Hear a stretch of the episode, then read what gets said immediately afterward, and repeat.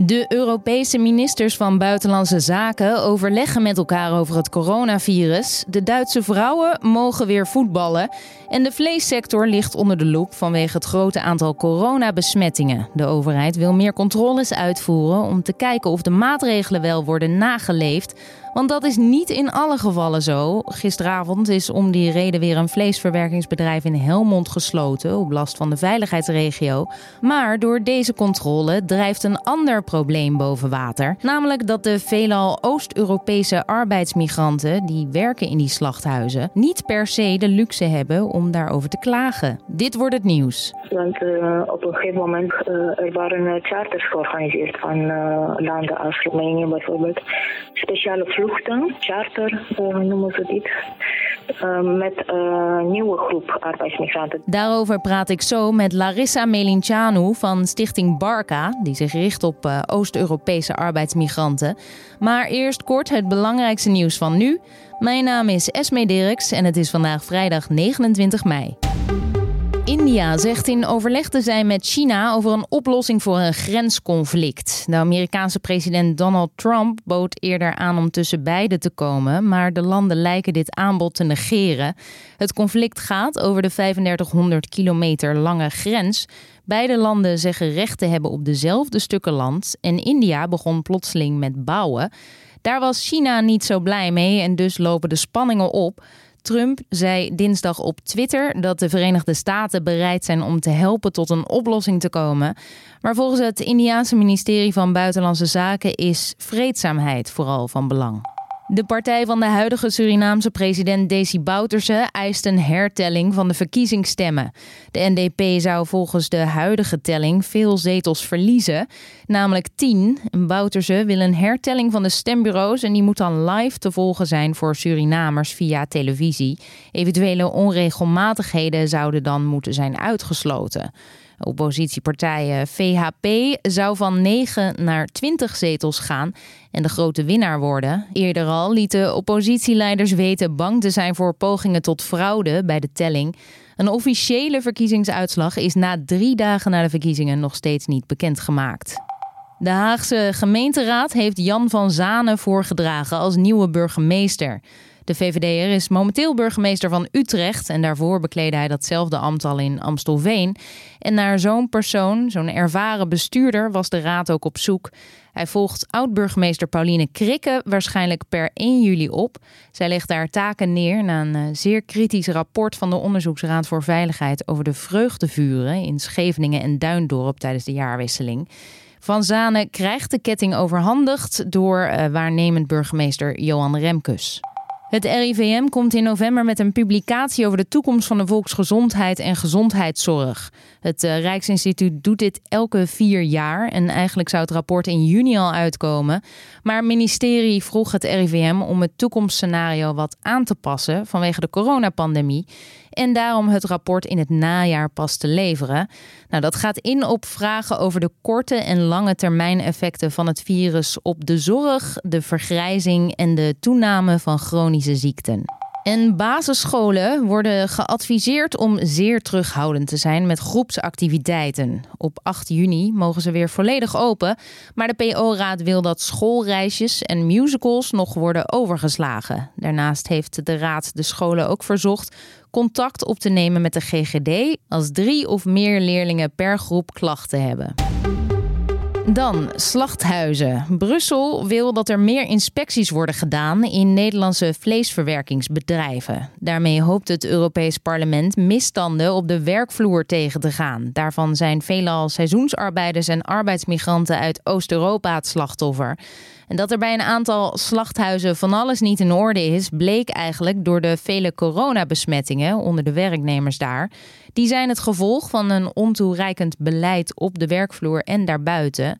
Zo bleek bij een vleesbedrijf in Apeldoorn dat de Roemeense arbeidsmigranten opeengepakt in busjes naar hun werk werden gebracht. En dat is tegen de afspraken in. Daarnaast zijn er zorgen over uitzendbureaus die EU-regels aan hun laars lappen. Die trekken bijvoorbeeld werknemers aan in ruil voor huisvesting. Maar als ze dan een baan verliezen, dan ook gelijk hun huis. Maar maken deze arbeidsmigranten zichzelf eigenlijk zorgen? Dat vroeg ik aan Larissa Melincianu van Stichting Barca, waar Oost-Europese arbeidsmigranten terecht kunnen met vragen. Ja, in principe we willen graag weten wat gewoon rechten ook in deze tijden uh, zijn. Als uh, moeten ze bang zijn dat ze op elk moment op straat worden gezet. dat een beetje. soms gebeurt dat echt. Maar zeker in het begin, de mensen waren heel erg bezorgd. Uh, ja, wat gewoon hoe zwak hun positie, hoe nog zwakker eigenlijk hun positie wordt in, in deze tijden. Ja, want um, arbeidsmigranten die hier zijn gekomen om te werken, die vallen nu misschien het eerst buiten de boot. Um, ben je bang dat zij uiteindelijk het meest zullen lijden onder de, uh, ja, het banenverlies? Uh, de meeste van de arbeidsmigranten werken in die sectoren die uh, nog ja, door moeten. Ja, iedereen werkt wat weiniger, maar ze, ze mogen nog steeds in de werkaccommodaties uh, blijven. Uh, sommige van de werknemers, van de arbeidsmigranten, hebben besloten door angst om toch terug uh, te gaan keren. Naar hun land van herkomst? Ja, daar waar wel mogelijk was. Want bijvoorbeeld voor, voor Roemenen mensen uit uh, Letland, Lituanië, was dit een stukje moeilijker door uh, strengere maatregelen die de regering daar uh, hebben genomen. Dat is wel verdrietig, want ze kwamen hier natuurlijk niet voor niets. Zeker wel, ja. ja. Wat vertellen Oost-Europeanen aan jou die hier komen werken over hun omstandigheden? Worden hun rechten nu in coronatijd gehonoreerd? niet altijd, helaas, niet altijd. Het is ook, zo dat diegenen die wel uh, gaan uh, klagen over hun uh, ja, arme omstandigheden, werk- en woonomstandigheden, ja, zijn diegenen die, die hebben een, een hoger ja, zelfvertrouwen niveau. Want er zijn ook andere mensen die ook in hun land van herkomst een uh, kwetsbare positie hadden. En sommige van die uh, zijn meer tolerant met de omstandigheden. Dus, dus bedoel je dat ze, dat ze meer accepteren? Ze accepteren veel meer. Doen ze dat nu meer dan anders? Wel, zeker. Ja. Want ik, ik denk dat als, ja, oké, langzaam, maar toch iedereen uh, hetzelfde standaarden gaan uh, eisen, uh, op een gegeven moment moeten de, de uitzendbureaus ook ja, meer fair play spelen. Maar zullen ze tot dat punt worden gedreven? Want zit, zit daar het probleem volgens jou bij de uitzendbureaus? Nou, de uitzendbureaus hebben de, de macht. En in principe ze zou die, die acteur moeten zijn die, die de standaarden bepaalt. Uh, maar wat wij merken is dat als, als we voelen dat de uh, arbeidsmigranten ja, met wat minder dan de normale standaarden uh, ja, gelukkig zijn, zeg maar, dan, dan laten ze zo. Want uh, op een gegeven moment, waarschijnlijk weet u ook, er waren charters georganiseerd van landen als Roemenië bijvoorbeeld. Speciale vluchten, charter noemen ze dit. met een nieuwe groep arbeidsmigranten, daar waar punctueel nodig was. Ja, en dan zie ik wel gelijk een soort doemscenario dat de arbeidsmigranten die nu bijvoorbeeld vertrekken of de slachthuizen die nu sluiten, worden er dan niet gewoon nog goedkopere arbeidsmigranten hier naartoe gehaald die weer met minder genoegen nemen? Uh, dit was een beetje het spelletje tot nu toe. Ja, dus uh, het zou kunnen van wel. Ja. Van, vandaar, uh, dit, dit was de, spelletje gewoon.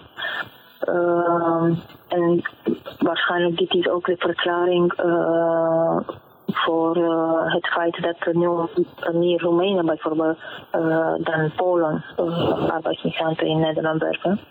Niet, niet meer Roemenen dan Polen, maar de, nummer, de nummers van de Roemenen arbeidsmigranten zijn hoger.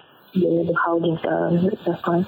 en die van Polen zijn ja, langzaam aan het verminderen. Ja, maar dat, dat is dan een zorgwekkende richting waar, waar je niet op wil, eh, waar, je, waar we niet naartoe willen natuurlijk. Zeker niet. Ja.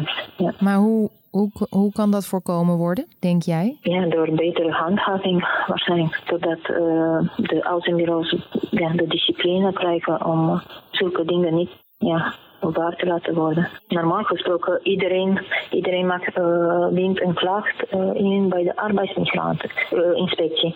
bij de arbeidsinspectie. Maar ja, daar is ook een, een hele proces van verwerking van zo'n klacht. als, ja, ik ben bang dat als alleen punctuele klachten binnenkomen, dan de ja, responstijd is ook langzamer. En, en zullen arbeidsmigranten ook wel die brievenbus weten te vinden? Zullen die zo'n klacht ook daadwerkelijk indienen? Uh, meestal doen ze dit niet, uh, soms uit angst. Maar ik ben toch blij dat langzaam uh, de arbeidsmigranten, de uh, arbeidsinspectie heeft wel gewerkt om meer uh, beschikbaar en meer zichtbaar te, te, worden. Ik zit te denken dat nu een arbeidsmigrant kan in zijn eigen taal een klacht indienen op de website. Oké. Okay. Ja. Dus dat is al een stukje vooruitgang. Zeker, ja. ja. Wat gebeurt er met een arbeidsmigrant die hier niet meer aan werk komt? of geen werk meer heeft? Hij wordt dakloos, vrij snel.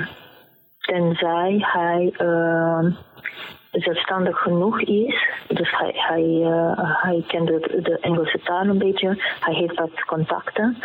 Uh, en ja, binnen uh, enkele dagen uh, snel naar een andere uh, werkplek gaan. Dat was Larissa Melincianu van de stichting Barca, die wel wat zorgelijke signalen krijgt. Maar het is geen onderzoeksbureau.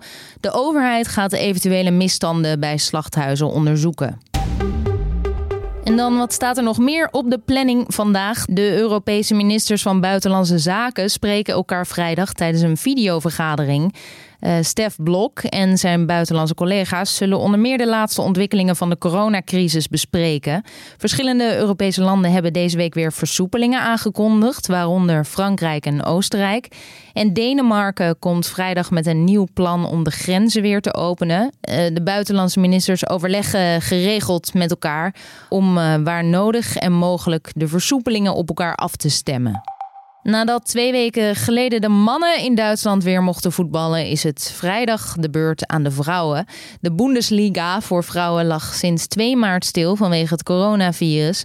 Voor de vrouwen gelden natuurlijk dezelfde richtlijnen als bij de mannen. Zo zal er geen publiek zijn, worden speelsters regelmatig getest en gelden er in het stadion strenge regels. Dan het weer. Vrijdag is het overwegend zonnig. Wel kunnen er vanaf het eind van de ochtend in het binnenland stapelwolken overdrijven. En er waait een matige noordoostenwind. In het noorden van het land wordt het 16 tot 19 graden. En in de rest van Nederland stijgt het kwik naar 20 tot 23 graden. En dan nog dit. Op de website van nu.nl vind je meer uitleg over de situatie rond de huidige president Desi Bouterse van Suriname. In 2019 eh, werd hij tot 20 jaar zelf veroordeeld in het proces rond de decembermoorden. En nu dreigt hij dus zijn laatste bescherming tegen die straf. En dat is het president presidentschap van Suriname te verliezen. Er staat voor hem dus veel op het spel tijdens deze verkiezingen, waarvan de stemmen nog altijd niet geteld zijn. Na het uh, Pinksterweekend gaat de horeca weer open. En cafés en restaurants breken zich natuurlijk het hoofd over hoe ze dit op een veilige manier kunnen doen. Nou, een Frans restaurant heeft iets uitgevonden om gasten coronaproof te laten dineren. Ik zal even omschrijven wat het is. Het is een, eigenlijk een doorzichtige lampenkap, maar dan heel groot, die helemaal om de gasten romp heen valt. Dus als jij en je tafelgenoot die dan allebei dragen, zou je veilig moeten zijn voor het coronavirus. Dat is het idee. Het heet Plex Eat. En uh, dat kun je ook zien op uh, onze website. Vanmiddag zijn we er met de Week van Nu podcast. Ik wens je alvast een fijn Pinksterweekend. En dinsdag, ja, dan pas, zijn we er weer met een nieuwe Dit wordt het nieuws aflevering. Tot dan!